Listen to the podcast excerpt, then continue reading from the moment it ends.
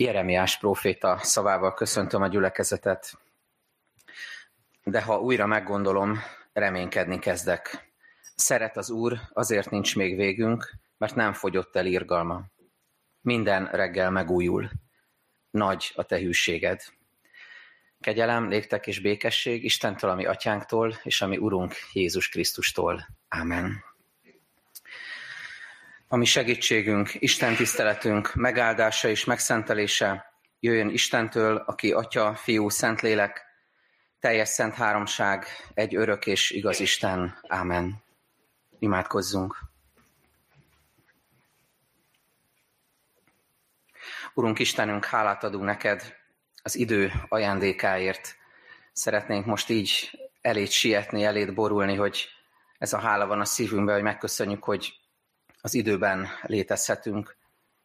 Annak ellenére mondjuk ezt, mondhatjuk ezt, hogy sokszor nagyon nagy harcaink vannak az idővel. Néha alig bírjuk utolérni magunkat, annyi teendőnk van. Ha visszatekintünk erre az évre, akkor bizonyára a naptárunkban az elintézni valóink között is maradtak olyanok, amiket át kell görgetnünk a következő évre. Sokszor érezzük azt, hogy néha túl gyorsan, néha máskor túl lassan telik az idő. Küzdelmünk van azzal is, hogy az időben csak előrefele tudunk haladni, és nem tudunk visszamenni. Nem tudunk újraélni szép élményeket, nem tudunk megváltoztatni olyanokat, amiket elrontottunk, nem tudunk visszamenni oda, ahol még boldogan együtt voltunk szeretteinkkel, akik ma már nincsenek közöttünk. Küzdünk az idővel, és mégis hálát adunk érte, mert te olyan úr vagy, aki nem vagy időhöz kötve, felette állsz mindennek, örökkévaló vagy, végtelen vagy, és bennünket mégis megajándékozol az idővel, hogy átélhessük azt, hogy mennyire drága pillanatai vannak ennek a földi kiszabott időnek, mennyire minősített idei vannak, id, id, ideje van az életünknek, és mennyire mélyen átélhetjük ezekben a pillanatokban a te gondoskodásodat, szeretetedet. Sokszor csak akkor jövünk rá, amikor vesztesség ér bennünket. De most szeretnénk előre tekinteni, Urunk. És szeretnénk téged meglátni, mint aki nem csak a földi időbe hívsz meg bennünket, hanem az örökké valóságodba is. Szeretnél ezzel az örökké valósággal, ezzel a mindent átölelő, átfogó kegyelemmel és szeretettel átölelni bennünket és vigasztalni. Urunk, itt vagyunk sokan, olyanok is, akik gyászolnak, akár friss gyászsal, akár éves, évtizedes fájdalmakkal a szívükben. Itt vagyunk olyanok, akik talán most éppen nem gyászolunk, de, de vannak kétségeink, félelmeink, nehézségeink az életben, elakadásaink, mindenképpen vágyunk a te végasztalásodra, jelenlétedre. Kérünk, hogy légy velünk, Urunk, szent lelkeddel, és emelj fel bennünket. Amen. Isten égét a Királyok első könyvéből olvasom, a 19. rész első nyolc verséből. Illés történetében vagyunk. Amikor Aháb elmondta Jezábelnek mindazt, amit Illés tett, és hogy a profétákat megölte karddal, Jezábel követett küldött Illéshez ezzel az üzenettel. Úgy bánjanak velem az Istenek most és ezután is, hogy holnap ilyenkorra azt teszem veled, ami azokkal történt. Illés megijedt, felkerekedett, és ment, hogy mentse az életét, és elérkezett a júdai Beérsebába. Legényét otthagyta, ő pedig elment a pusztába egy napi járóföldre. Odaért egy reketje bokorhoz, és leült alá. Azt kívánta, bár csak meghalna, és így szólt, elég most már, uram, vedd el az életemet, mert nem vagyok jobb elődeimnél. Azután lefeküdt és elaludt a reketje bokor alatt. De egyszer csak egy angyal érintette meg, és ezt mondta neki. Kelj föl, egyél. Amikor föltekintett, látta, hogy a fejénél ott van egy forró kövönsült lángos, és egy korsó víz. Evett, ivott, majd újra lefeküdt. Az úrangyal a másodszor is visszatért, megérintette, és ezt mondta. Kelj föl, egyél, mert erőt felett való út áll előtted. Ő fölkelt, evett és ivott, majd annak az ételnek az erejével ment 40 nap és 40 éjjel az Isten hegyéig, a Hórebig. Ez Istenünk igéje.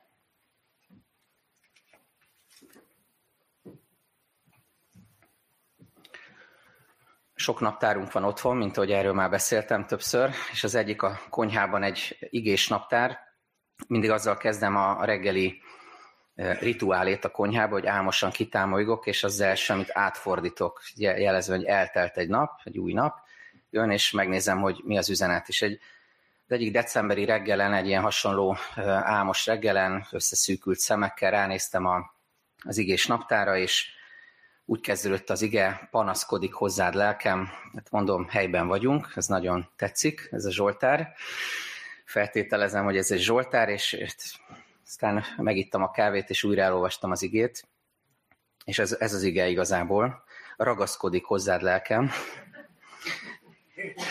jobb oldal támogatsz engem. Többször belefutottam már ilyenekbe, aztán a szemvegemet többször kéne elővennem. De egyébként nagyon tanulságos, hogy hogyan olvasunk félre dolgokat, mert hogy egyébként nyilván azon a decemberi reggelen, mint ahogy bármelyik őtöknek is biztos ezernyi okom volt, hogy panaszkodjak az úrhoz, vagy az úrnak. És, és bizonyára most is tele vagyunk, tele vagyunk panaszokkal. Tehát ha, ha valaki benyomna egy gombot, szerintem órákig tudnánk mondani, hogy mi a, mi a bajunk ezzel a világgal, hogy hol talál el bennünket ennek a világnak a, az igazságtalanság, a fájdalma, a háborúk, az értelmetlen vérontás, a soha véget nem érő harcok, az emberi önzés, az irítség, az érdekek.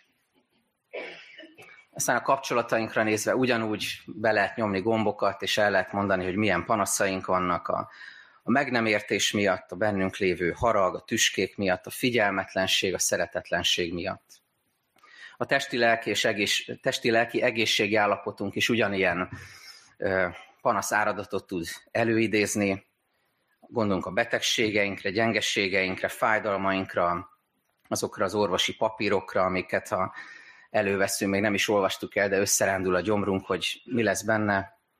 Vagy éppen a hitünk, a lelkesedésünk, vagy a derülátásunk, a lendületünk megtörtsége miatt, vagy de hát úgy volt, hogy mi hívők vagyunk, és most meg ránézünk az életünkre, és hát uram, hogy van ez?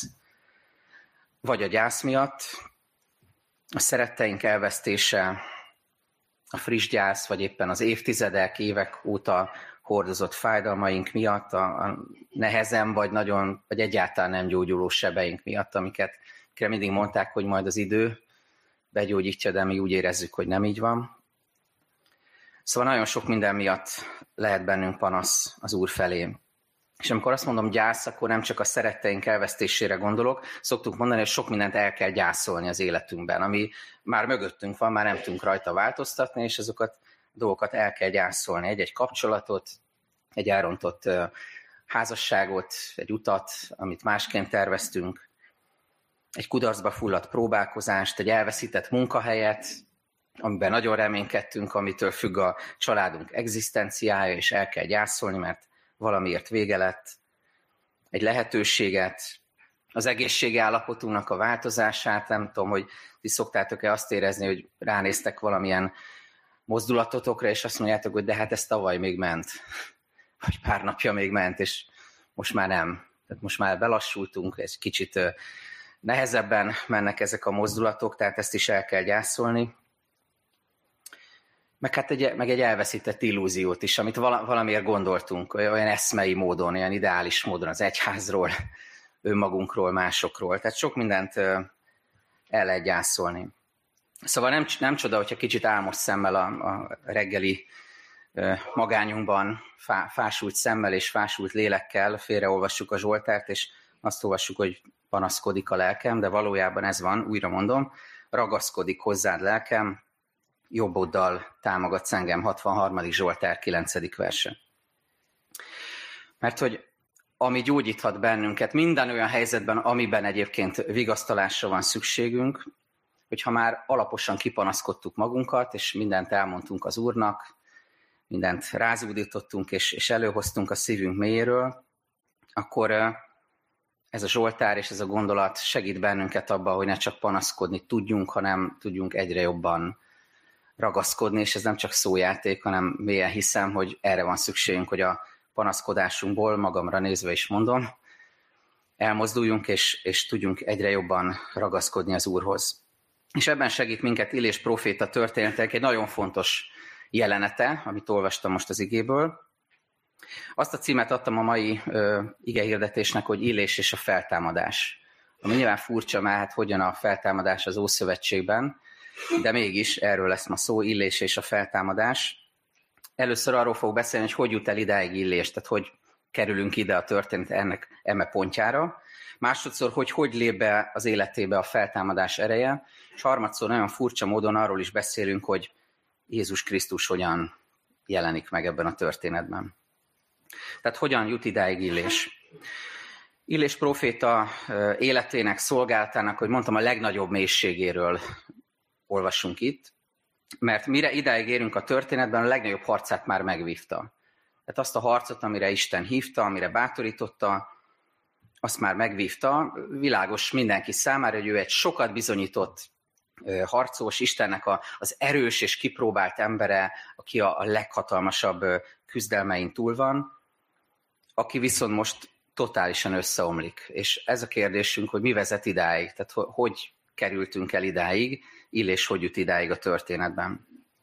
Csak vázlatszerűen megpróbálom gyorsan felidézni, hogy hol tartunk Illés történetében, amikor ezt olvassuk. A 16. részben arról olvasunk, hogy előkerül Áháb, ő lesz a király az északi ország részben, Izraelben, uralomra jut, és hát sürgősen elkezd bálványokat gyártani, most csak lerövidítve mondom, és az az érdekes, hogy mit mond róla az ige. Ez mindig nagyon tanulságos, hogy hogyan jellemzi maga az ige a királyokat. Azt mondja róla 16.30-ban, Ahab, Omri fia, azt tette, amit rossznak lát az úr, még inkább, mint valamennyi elődje.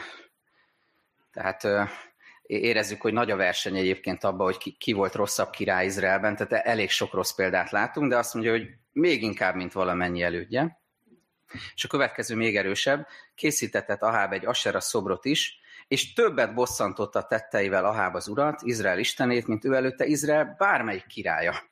Tehát igen, maga úgy tanúskodik Ahábról, csak azért, hogy értsük, hogy kivel van dolga illésnek, mint aki mindenkinél jobban bosszantja Istent a, az életével, a, a tetteivel. Szóval itt van Aháb. Aztán a 17. részben feltűnik, fellép Illés proféta, elhívja őt az úr, és megprofétálja, hogy szárazság lesz a földön, ebben az országban, mert, mert engedetlenség van, bálványimádás van, nem lehet tudni pontosan mennyi, mennyi ideig fog tartani, később megtudjuk, hogy három-három és fél évig tart ez a szárazság. Szóval szárazság lesz a földön, ezt profétálja, és ezek után különös módon Isten elrejti illést, elbújtatja őt, el, kivonja a forgalomból, kicsit, mintha meg akarná őt védeni.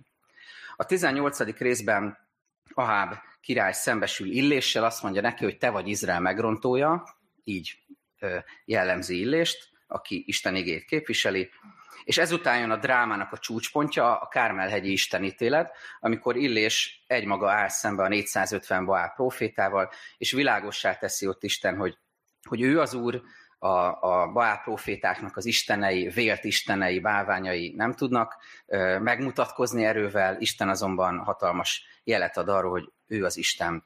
Ezek után Illés kiírtja a 450 Baál profétát, és elered az eső, ez a történet vége, tehát vége van a szárazságnak. Szóval azt mondjuk, hogy ez a dráma csúcspontja, de igazából bizonyos értelemben mégsem, mert személyes értelemben Illés a drámája a következő részben történik. Szembe találja magát Jezabellel, aki Áháb felesége, egy istentelen idegen származású királynő, és hát ő rendesen megfenyegeti Illést, és azt mondja neki, hogy úgy bánjanak velem az istenek most és ezután is, hogy holnap ilyenkor azt teszem veled, ami azokkal, tehát a Baál profétákkal történt. Illés megijed, és azt olvassuk, egy napi járóföldre kimegy a pusztába. Ezt nem tudjuk pontosan mennyi lehet, ki milyen gyorsan megy, 20-30-40 kilométer. Azért érdekes ez az egy napi járóföld, csak mert minden részlet rendkívül izgalmas ebben a történetben, mert a, a sztorinak a végén azt olvassuk, hogy amikor Illés erőt kap, akkor 40 nap és 40 éjjel megy szakadatlanul most arra van ereje, hogy egy napi járóföldre bemenjen a pusztába. Bemegy a pusztába, és igazából ez az ő személyes drámájának a csúcspontja. Mert mit látunk? Hogy van valaki, az Isten embere, aki engedelmes neki, aki szolgál neki, aki beleadja mindenét ebbe a harcba, aki álhatatos, hűséges, aki vállalja a kockázatot, aki a, a végsőkig kész elmenni Isten ügyéért, aki kész szembeállni egy maga 450-nel, és nem ö, szorítja a szívét a félelem, véghez, véghez viszi a harcot, igazi erős harcos, és most mit látunk? Hogy összeomlik, hogy totálisan elfárad és összeomlik. Három érzést fedezhetünk fel Illés összeomlásában, és ezekről szeretnék még szólni az üzenet kapcsán, amikhez talán mi is tudunk kapcsolódni. És még annyit ehhez, hogy az év utolsó napján érdemes ezen elgondolkozni, hogy legalábbis én szoktam azt érezni, hogy az év utolsó napjaiban, mintha lelassulna az idő. Azt, azt várom ilyenkor, hogy, hogy, hogy még, még egy kicsit maradjunk itt. Akármilyen is volt ez az év, akármilyen nehéz, bennem az szokott lenni, hogy nem tudom, milyen lesz a következő, én inkább még maradék itt egy picit. És uh, ilyenkor azt szoktam tapasztalni, hogy Isten segít bennünket abban, hogy átlépjünk a küszöbön, és amit itt hallunk, a, amivel szembesít bennünket Isten igéje, ezek az érzések, ezek talán segíthetnek ebben. Mi ez a három érzés, ami ott van Illés történetében? Az első a félelem. Azt olvassuk, Illés megijedt, meghallja Jezábel vagdalkozását és fenyegetőzését, és azt olvassuk, Illés megijedt, felkerekedett, és ment, hogy mentse az életét. Illés fél az az illés, aki látta működés közben Isten hatalmát, aki látta azt, hogy milyen, milyen hatalmas az Isten ereje, aki legyőzte a Baál profétákat, aki nek a segítségével Isten kitakarítja az országból az istentelenséget és a bálvány, bálványimádást, aki bátran és határozottan tud döntéseket hozni és cselekedni, most elképesztően gyenge, elképesztően kiszolgáltatott és gyámoltalan. Fél, megijed mint hogyha most es lenne neki, hogy mi történik. Mint ha most es lenne neki, hogy, hogy mit kockáztattam én Istenért. Mint hogyha most jönne rá, most nehezedne rá annak a súlya, hogy, hogy milyen döntéseket hozott, és ezeknek mi lesz a következménye. És nagyon egyszerűen megmutatkozik az emberség abba, hogy fél. Hogy tegyük mellé a saját félelmeinket, mert hogy nem vagyunk különbe killésnél ebben az értelemben. Lehetünk mi is a legharcedzettebbek, mint hogy Illés a legharcedzettebb proféta volt. Lehetsz te a legharcedzettebb anyuka, apuka, nagyszülő, vezetőbeosztású ember, szolgáló, Istennek a szolgálója, választottja, lehetsz fel, felelősséggel felruházott ember, akit mindenki erősnek lát, és azt gondolt Illéshez hasonlóan, hogy megvívtam a legnagyobb harcaimat. Megnézed az, ezt az évedet, és azt mondta, hogy óriási harcokat vívtam meg. Végigkísértem valakit a haldoklásában, és elkísértem a koporsóig a ravatalig. Óriási terheket cipeltem érte, és mindenki azt látta, hogy igen, én erős vagyok, és végig tudom csinálni.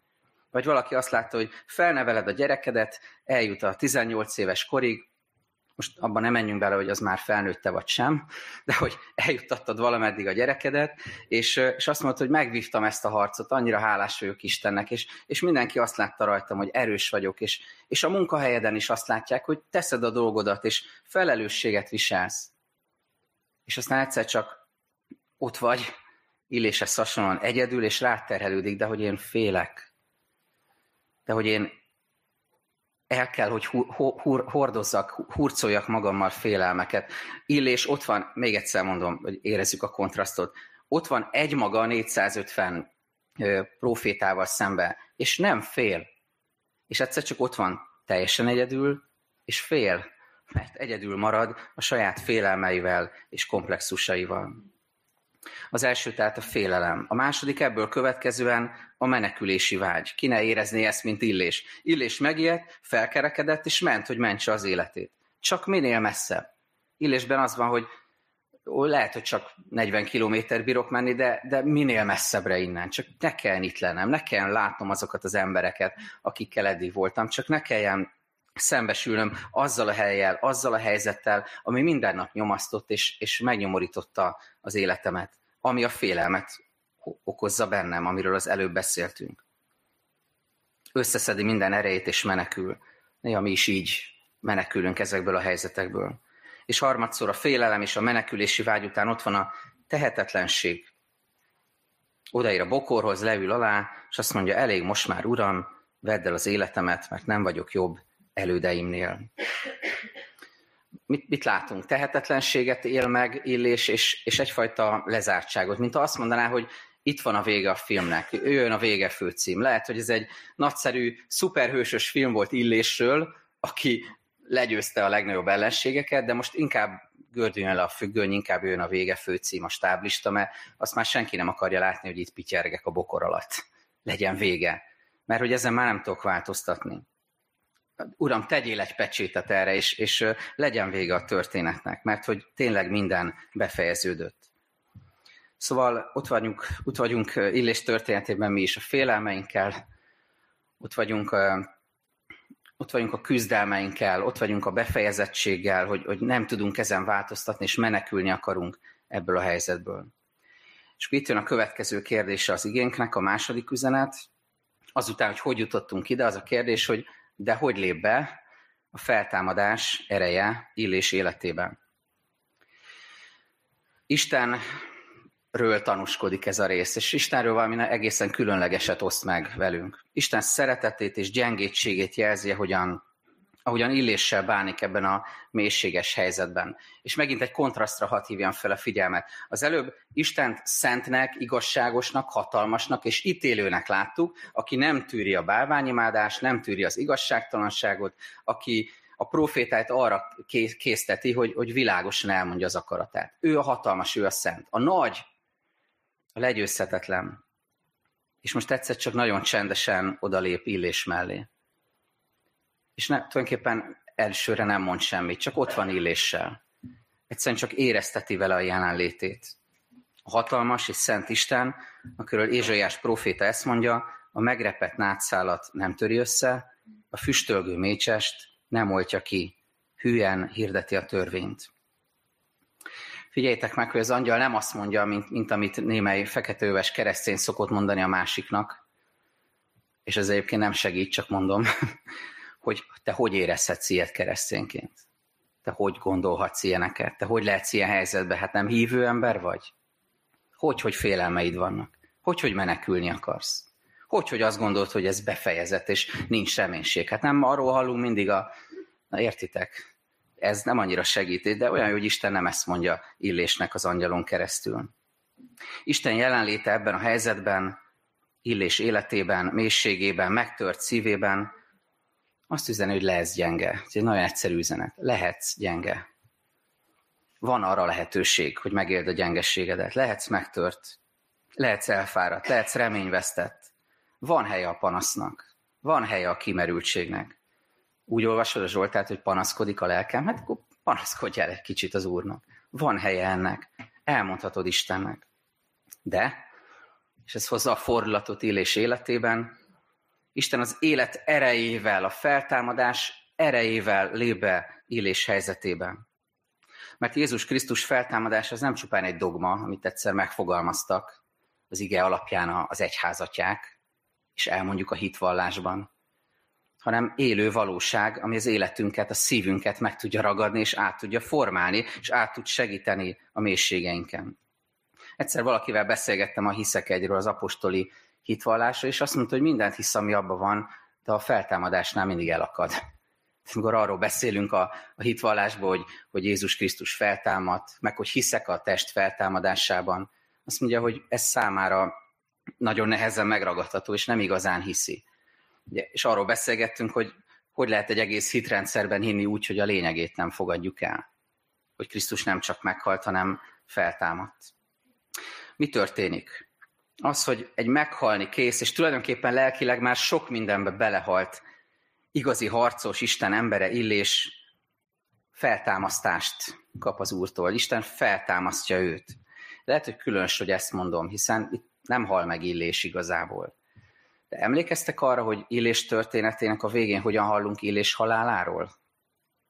Nem hallunk Illés haláláról. Nem azt olvassuk, hogy, hogy Isten tüzes szekéren elragadja őt és felviszi a mennybe. Ez egy nagyon külön, különleges dolog Illéssel kapcsolatban. És ezt egy kicsit visszavetítve erre a történetre, azt látom, hogy, hogy Illés tulajdonképpen itt, itt hal meg, ha lehet ilyet mondani. Lelkileg feladja. Itt, itt van egy végpont az életében, és itt van szükség arra, hogy, hogy a feltámadás ereje beáramoljon, belépjen az életébe, és megtapasztalja Istennek a felemelő erejét. Mik ennek a feltámadásnak a fázisai? hogyan indítja újra a lelki értelemben az, az újraindítás gombot, hogyan nyomja meg az Úr illés életében.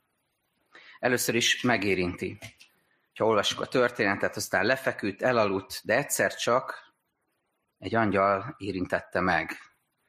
Az, e, az első, a mi esetünkben, a mi újraindulásainkban, a mi feltámadásunkban is az, hogy egyszer csak, ez ilyen talányos, nem lehet tudni mikor, de a, a kríziseink során egyszer csak Isten lelke megérint bennünket.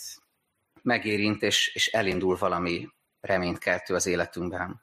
Illés felemeli a tekintetét, és utána jön talán a legkülönösebb részlete a történetnek. Azt mondja neki az angyal, kelj föl és egyél. Majd kicsit később kelj föl és egyél, mert erőt felett való út áll előtted.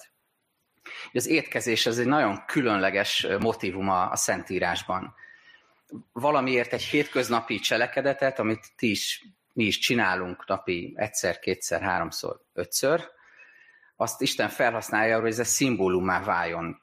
A legcsodálatosabb szimbólum az úrvacsora, amikor egy étkezés válik tulajdonképpen Krisztus szeretetének a jelévé és az ő áldozatának a, a szimbólumává. És nagyon érdekes példák vannak még erre, például Jairus lányának a feltámasztásánál Jézus, amikor feltámasztja azt a lányt, akkor azt mondja, hogy, hogy most adjatok neki enni. A feltámadás után, hogy, hogy erő költözzön fizikailag is a tagjaiba. Vagy amikor Málta partjainál Pálapostól hajótörés szenved a társaival, ahol ő egyébként fogolyként utazik, és áldásként van jelen abban a, a környezetben, már-már partra sodródnak, és a legnagyobb káosz közepén előveszi a kenyeret Pál, és megtöri, és szétosztja.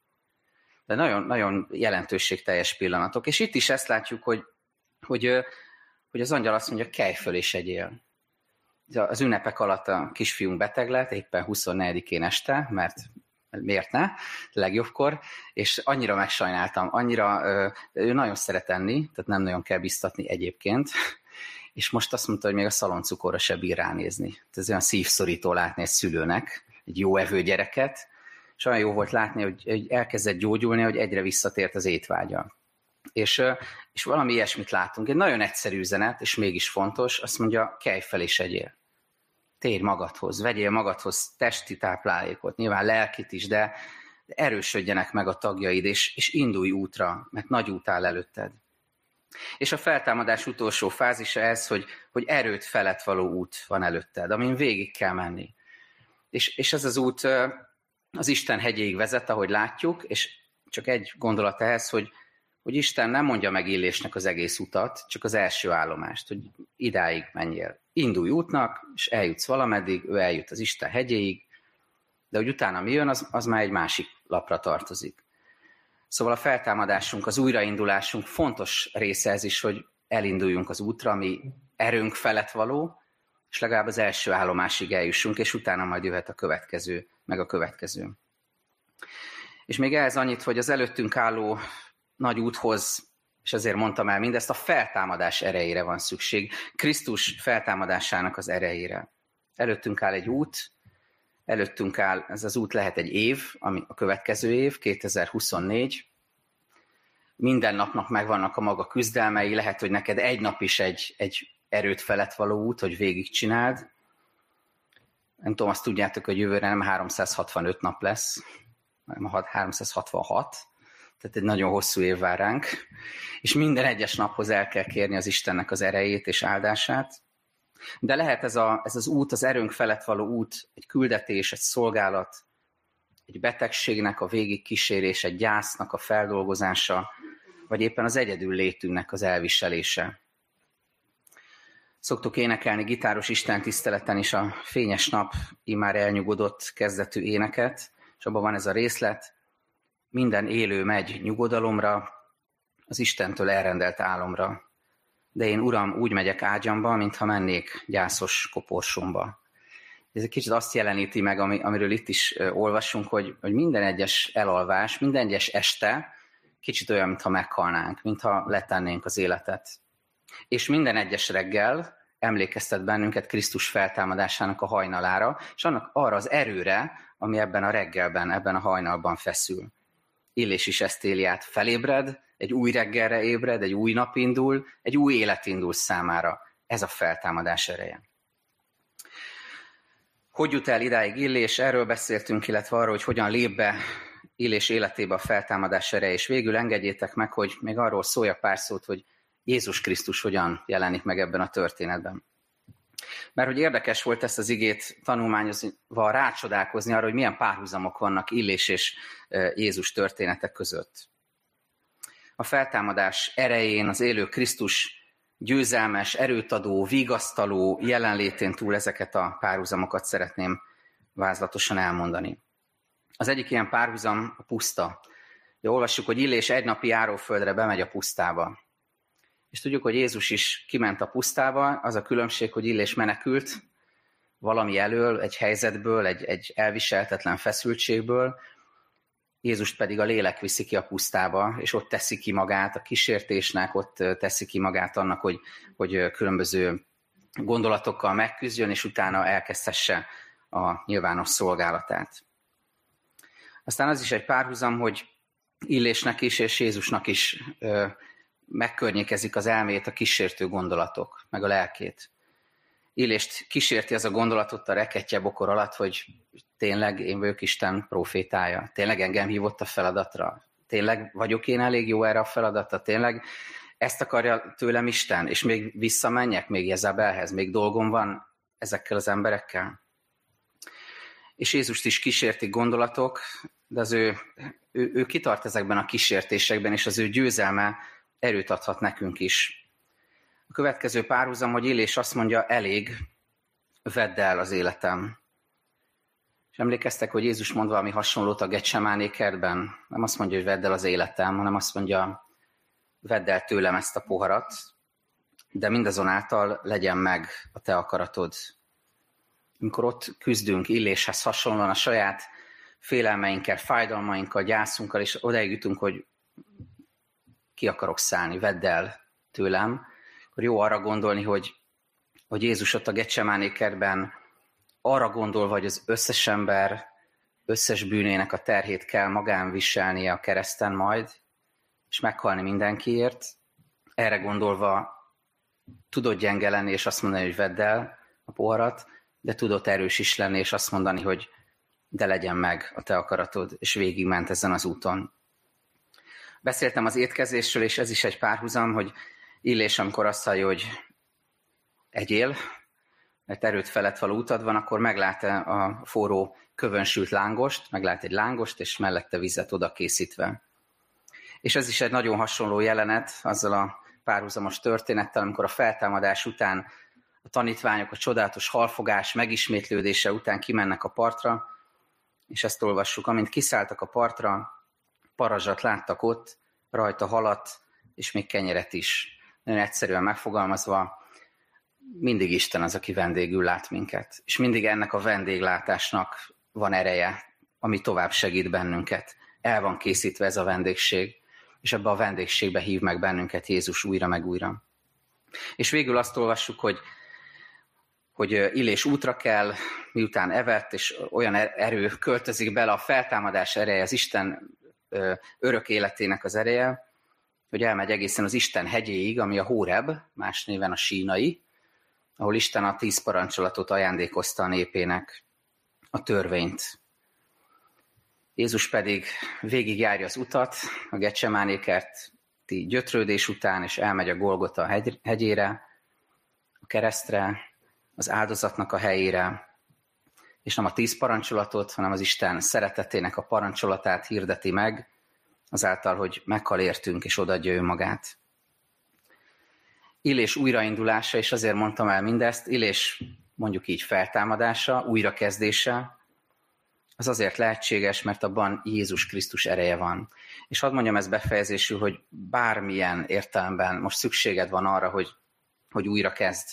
És nem azért, mert egy új naptári év következik holnap, hanem egyáltalán. Bármilyen értelemben van szükséged újrakezdésre, akkor egyedül Jézust keresd. Jézus Krisztusban van az újrakezdésnek, a feltámadásnak az ereje. És akkor majd egyre többször fogjuk úgy olvasni az igés naptárunkat, hogy nem azt látjuk, hogy panaszkodom az Úrnak, az Úrhoz, hanem az, hogy ragaszkodik a lelkem az Úrhoz. Amen. Gyertek, legyünk csöndben az Úr előtt, személyes imáinkat vigyük elé.